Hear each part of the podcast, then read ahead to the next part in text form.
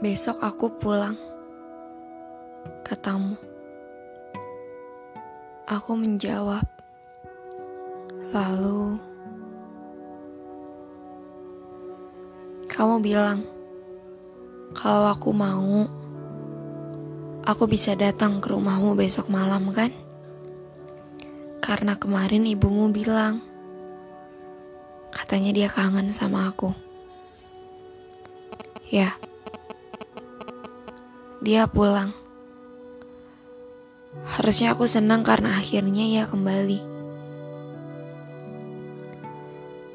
Tapi ternyata bukan untukku. Kembalinya bukan untukku dan tidak pernah jadi untukku. Kusadari itu sejak kulihat cincin yang ada di jari manisnya. Dengan gadis yang ia tuntun langkahnya. Harusnya aku sadar.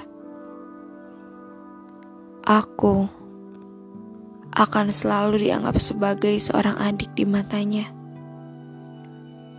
Gak lebih. Dan tidak akan pernah dianggap sebagai seorang perempuan yang juga memiliki perasaan. Menyakitkan emang. Sakit rasanya. Tapi mau gimana lagi? Kita gak pernah bisa maksa orang buat ngerti sama apa yang kita rasain kan? Pada akhirnya, kita harus menyerah pada takdir. Kita biarkan semesta melakukan tugasnya. Kita biarkan semuanya berjalan seperti apa yang seharusnya terjadi.